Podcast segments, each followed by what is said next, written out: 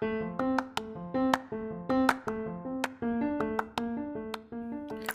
og velkommen til en ny episode av podkasten Spareglede. Jeg heter Anne Berit, og i dag skal jeg snakke om det å spare til ungene våre. Bør vi i det hele tatt gjøre det, og i så fall hvordan og hvor mye bør vi spare? Aller først så må jeg bare si at jeg skjønner at dette kan være et litt ømt tema for mange. Privatøkonomien vår er jo selvsagt ganske forskjellig, men alle ønsker vi jo at ungene våre skal ha det best mulig. Og vi vet at det blir stadig vanskeligere å komme inn på boligmarkedet, og at skillet mellom fattig og rik blir større.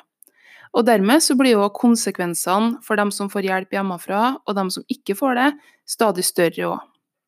Så til alle dere som kjenner at dere ikke sparer nok til ungene deres, eller at dere kanskje sparer ingenting, og dere ser at boligprisene stiger, så skjønner jeg at det gjør vondt. Men er det egentlig sånn at vi bør prioritere å spare til ungene våre? Ehm, for en måneds tid siden så leste jeg et glimrende blogginnlegg på en blogg som heter eivindberg.no. Eivind Berg han har, ja, det jeg mener i hvert fall, at er Norges desidert beste økonomiblogg. I motsetning til alle sånne infoartikler fra ulike banker og økonominettaviser, så skriver han faktisk nøytrale fakta om ulike ting som er relatert til økonomi og investering, og det er utrolig lærerikt. Så om du ikke har sjekka ut bloggen hans, og du er interessert i litt sånn lange og grundige blogginnlegg med masse aha-opplevelser og ny innsikt rundt privatøkonomi, så anbefaler jeg deg å sjekke ut eivindberg.no. Men heldigvis så har han gitt meg lov til å bruke en del av eh, informasjonen som han tar for seg i dette blogginnlegget sitt, som handler om nettopp sparing til unger. Og det er så bra, for som han sjøl skriver, så er det jaggu ikke enkelt å liksom skulle google seg fram til nøytral informasjon. Bankene de vil jo helst eh, selge sine tjenester til deg, og de vil jo ha ryggen fri, sånn at du ikke kan komme og klage over at tipsene deres ikke funka. Men ja, må vi spare til ungene våre? Det var spørsmålet. Og svaret, det er egentlig nei. Det er i hvert fall ikke det du bør prioritere. Alltid når du skal vurdere hvor du skal plassere pengene dine, så må du se på renta. Om du har et forbrukslån, kredittkortlån eller et billån med høy rente, så er det det viktigste å bruke pengene dine på. Putt pengene dine der renta er høyest. Men hallo, er ikke det litt egoistisk, tenker du kanskje nå? Skal ikke eh, ungene dine få hjelp til å kjøpe seg bolig, bare fordi du liksom har gått litt eh, amok med handlekontoen på Ellos? Eh, nei, faktisk ikke. Og det er fordi at økonomien din påvirker ungene dine. Jo bedre økonomi du har, desto mer kan du hjelpe ungene dine. Og så lenge du har lån med høye renter, så kommer ikke økonomien din til å bli noe bedre. Så bruk derfor heller pengene dine til først og fremst å sikre din egen økonomi, sånn at du får mer til overs etterpå. Pass på at du har alt av forsikringer i orden, sånn at uh, du er sikra hvis du skulle bli skada eller ufør eller gå bort. Uh, for det er de her tingene som vil ha mest å si for økonomien din. For som Eivind Berg sier, det hjelper ikke at ungene dine har noen tusen kroner på fond hvis du plutselig skulle bli ufør og kanskje minstepensjonist fordi du ikke ordna deg med forsikring. Da får jo du en veldig mye dårligere økonomi enn hva du har i dag, og da får du ikke til å hjelpe ungene dine noe mer. Så du må altså sikre deg sjøl først. Når du så ikke har noen veldig dyre lån lenger, da må du ordne deg med en buffer. Altså en sparekonto med noen tusen kroner som du kan ta av hvis du får ei uforutsett regning. Etter det så kan du fylle opp eh, BSU-kontoen din hvis du fortsatt er under 34 år. For den sparinga gir veldig mye høyere verdiøkning enn ja, egentlig noe annen spareform. Og så, når alt det er gjort, da bør du jobbe for å få ned boliglånet ditt til et greit nivå, f.eks. ned på ja, mange sier maks 75 av eh, verdien på boligen din. Og så, bør du kanskje begynne å spare så smått til din egen pensjon. Det trenger ikke å være så mye i starten, men bare husk at jo tidligere du starter, desto mindre trenger du å spare, siden renta på pengene gjør at eh, de etter vekt kommer til å vokse mye av seg sjøl ettersom tiårene går. Jeg, som ikke er en ekspert, da, anbefaler at denne pensjonssparinga bør være eh, på en vanlig aksjesparekonto, ikke på en IPS, som jeg vet at bankene reklamerer mye for. Og det er jo da fordi at i en IPS så er eh, pengene låst til at du blir pensjonist, mens at i en aksjesparekonto så kan du ta dem ut når du vil. Eh, ja. Så når du har kommet dit at alt det andre er i boks, da først bør du begynne å spare til ungene dine. Alt det andre er viktigere i den der rekkefølgen. Viktige forsikringer på deg sjøl først, så dyre lån, eh, så buffer, så eventuell BSU, så nedbetaling av boliglån ned til tja, maks 75 av boligverdien, så din egen pensjonssparing, og så sparing til ungene dine.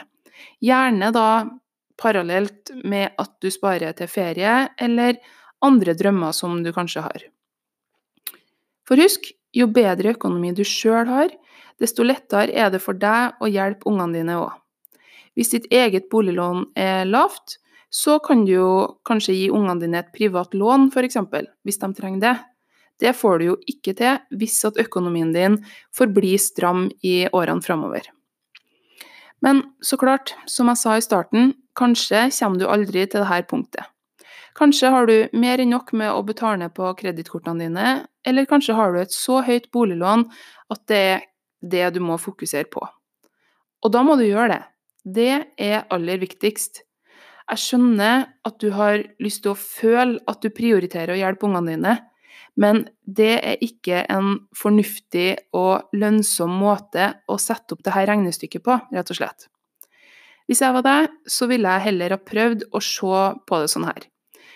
Du har kanskje en privatøkonomi som ikke er helt i balanse, og det kan være ulike årsaker til. Kanskje er ikke engang din feil at du har masse dyre lån, men det er likevel du som må ordne opp i det. Og ungene våre, de ser jo hvordan vi foreldre forholder oss til penger. Hvis ungene dine ser at, eh, ja, at det går i kredittkort, og at det snakkes om å henge etter med regningene, da blir de jo vant til det, og de tenker på det som normalt. Og den skaden, da, for å si det strengt, den er jo mye større enn å bare ikke gi dem en feit sparekonto. Så det du først og fremst bør gi ungene dine, som er mye viktigere enn sparepenger, det er at du bør vise deg sjøl som en god rollemodell når det gjelder å håndtere dine egne utgifter. At lån skal betjenes i riktig rekkefølge, og at du må spare til det som du vil ha. Det er viktigst, og derfor tenker jeg, eller Eivind Berg, at eh, du bør prioritere de her tingene først. Men ja, hvis du nå er så heldig stilt at eh, du har de andre tingene i boks, da kan vi begynne å spare eller tenke på sparing til unger. Og da er jo spørsmålet hvordan bør vi spare? Eh, Eivind Berg og for så vidt òg en lang rekke andre økonomieksperter de anbefaler at man sparer i globale indeksfond til ungene sine. Eh, hvis ungen din er ti år f.eks., så er det jo kanskje 10-15 år igjen til at de her pengene skal brukes. Så hvis du f.eks. sparer 500 kroner hver måned til ungen din, fra i dag og i 15 år framover, da kommer du til å ha 107 000 kroner hvis du sparer på en sparekonto med 2,3% rente, som er det den beste sparerenta er på i dag. Hvis du sparer i et indeksfond som følger Oslo Børs, og de ti neste årene blir like gode som de ti forrige, da kommer du til å ha 355 000 kroner om 15 år. Da tar jeg utgangspunkt i en verdiøkning på 16,6 hvert år, eh, for det er den gjennomsnittlige årlige verdiøkninga fra 2009 til 2019. Men dette har jo vært en veldig god tiårsperiode, så hvis vi er litt mer beskjeden og regner med 5,5% stigning, som ja, det er liksom det forsiktige anslaget til ekspertene, da kommer du til å ha 138 500 om 15 år. Og det er 31 500 mer enn du ville ha fått på denne sparekontoen. Men så klart, vi vet jo ikke hvordan de 15 neste årene kommer til å bli. Men Eivind Berg han har regna litt på det, og ja, for å liksom se detaljene i det hele, så anbefaler jeg deg å sjekke ut blogginnlegget hans. Eh, det heter skal vi se, 'Den ultimate guiden til sparing til barn'. Der har han sammenligna den historiske utviklinga ved å spare i 20 år, 10 år, 5 år og 3 år. Um, men jeg tenker at jeg bare leser opp oppsummeringa hans. For han skriver eh, Jeg sparer til ungene i globale indeksfond. Eh, basert på historikk er matematikken enkel. På 20 års tidshorisont er det idiotisk å spare i noe annet enn aksjefond. Det gjelder òg med 10 års tidshorisont. På 5 års tidshorisont blir det litt verre, men likevel er aksjesparing attraktivt. Ikke bare er det lite sannsynlig at du taper penger, men gevinsten når det går bra, er så utrolig mye større enn det tapene er når det går dårlig. Risikoen er verdt å ta, sier han. Og det er jeg veldig enig i. Eh, jo lengre tidshorisont du har, altså jo yngre ungene dine er, jo mer er det å tjene på å velge indeksfond framfor sparekonto. Og Grunnen til at det lønner seg litt mindre hvis man bare har fem eller tre års tidshorisont, det er jo at du kan jo ha uflaks, og at fondene plutselig har gått ned litt i verdi akkurat når ungene dine trenger dem. Eh, for min egen del, hvis det skulle skje med ungene mine, da tenker jeg å løse det gjennom at jeg heller kanskje gir dem pengene som de trenger, ved at eh, jeg f.eks. refinansierer mitt eget boliglån, og så tar jeg heller over aksjefondene deres til den verdien som de står i da. Eh, for verdien på aksjefondene kommer jo til å gå opp igjen, og da tenker jeg at det er dumt for privatøkonomien til ungene mine at de blir nødt til å selge fondene på feil tidspunkt for å kunne kjøpe seg bolig. Jeg derimot, jeg trenger jo ikke å selge fondet på noe spesielt tidspunkt, eh, og dermed så har jeg tålmodighet til å vente på at verdien på aksjefondene skal gå opp igjen. Men som sagt, og som Eivind Berg òg understreker, denne typen sparing er luksus. Du trenger ikke å være rik for å spare til ungene dine, men du må ha en ordna økonomi. Hvis du ikke har det, og du liksom ja, kanskje sparer de pengene som du kanskje kommer til å trenge hvis ja, vaskemaskinen ryker, da er du langt mer sårbar. Så derfor, kun spar penger til ungene dine hvis det, der er, ja, hvis det er penger som du ikke trenger til noen ting sjøl.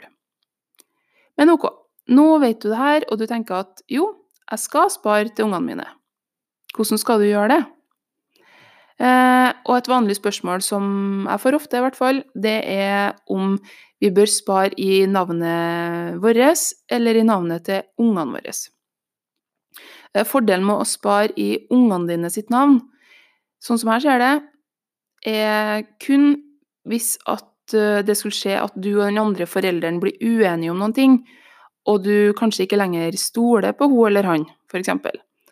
Eh, hvis de her pengene står i ungene dine sitt navn, så er ungene dine garantert å få ha de her pengene i fred. For hvis den andre forelderen har spart til ungene deres i sitt eget navn, så kan jo han eller hun i teorien plutselig bruke de pengene på seg sjøl i stedet. Og det er faktisk den eneste grunnen jeg kan se til å spare i ungene sitt navn. For fordelene med å spare i ditt eget navn, dem er mange. For det første er det veldig mye lettere å faktisk ja, opprette en aksjesparekonto i ditt eget navn. Og så bare kall akkurat den kontoen navnet til ungen din, f.eks., sånn at du ser forskjell på kontoene hvis du har flere. For det andre så er det da du som styrer hva pengene skal brukes til. Det blir ikke noe russebuss i millionklassen med mindre du sier ja til at pengene skal gå til det, framfor egenkapital til bolig f.eks. Og for det tredje, hvis eh, denne oppsparte summen blir høy, så slipper dere noe styr med overformynderiet eller Lånekassen hvis eh, ungen plutselig får en for høy uh, formue. Så spar i ditt eget navn. Og hvor bør du spare hen? Der vil jeg anbefale kron.no for å gjøre det så enkelt som mulig. Jeg har prata om Kron før òg, så beklager hvis det blir litt dobbeltinfo her nå. Men Kron er altså en veldig enkel spareapp og nettside hvor du ja, veldig enkelt kan sette opp autotrekk og flere kontoer med forskjellige navn, og så bare går alt av seg sjøl. Minsteinnskuddet hver måned er på 300 kroner, og så, hvis du vil, så får du liksom jevnlig info om hvordan det går med fondet. Eh, eventuelt så kan du opprette en aksjesparekonto i din egen bank, eller du kan gjøre det i Nordnett hvis du heller vil ordne litt sjøl og bestemme eksakt hvilken type fond du vil spare i. Da har jeg i så fall et lite tips til deg, for det finnes nemlig to forskjellige typer kontoer som du kan spare fond i. Eh, det er aksjesparekonto, en sånn ASK, og fondskonto, eller eh, det, ja, til Nordnett så heter det investeringskonto Zero. Eh, I Nordnett så har jeg valgt investeringskonto Zero til ungene mine. Fondskonto i andre, i andre banker. Og det er fordi at i denne typen fondskonto så kan du ha fond som har mye lavere risiko enn aksjefond. I en ASK, aksjesparekonto, så kan du nemlig kun ha aksjer og fond som har minst 80% aksjeandel. Men etter hvert som at årene går, og det begynner å nærme seg tida for at ungene dine kanskje trenger pengene, da kan det jo kanskje være lurt å senke risikoen litt òg. Og da kan det være en idé å selge en del av de her rene aksjefondene, og heller kjøpe et kombinasjonsfond som har en lavere aksjeandel, og derfor òg da en lavere risiko. Og det går helt fint i en sånn fondskonto, eller investeringskonto Zero, for i denne typen konto kan du altså ha alle mulige typer fond. Imens i en ASK så er det altså bare aksjefond det går an å ha. Eh, og hvis du lurer på hvordan de her pengene kommer til å vokse, i hvert fall teoretisk sett ut fra hvordan den økonomiske utviklinga har vært hittil, så anbefaler jeg at du googler DNB sparekalkulator. Det er et kjempefint verktøy som jeg bruker masse, hvor du kan skrive inn hvor mye ja, summen du sparer, hvor lenge du sparer den, og hvor høy renta er. Og så får du se hvor mye penger det vokser til om x antall år. Men husk at hvordan markedet har utvikla seg fram til nå, ikke si noe som helst om hvordan det kommer til å utvikle seg. Ekspertene sier at du bør regne med 5,5% årlig vekst i et indeksfond, men de siste årene har det altså vært eh, snakk om mye mer i realiteten, da. Men det kan selvsagt snu, men på sikt så vil det altså mest sannsynlig gå oppover.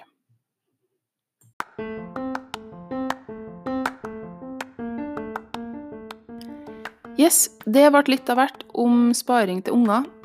Du må selvsagt sjøl finne ut hvilket beløp du vil legge deg på. Og husk at denne typen sparing ikke må gå utover privatøkonomien din her og nå.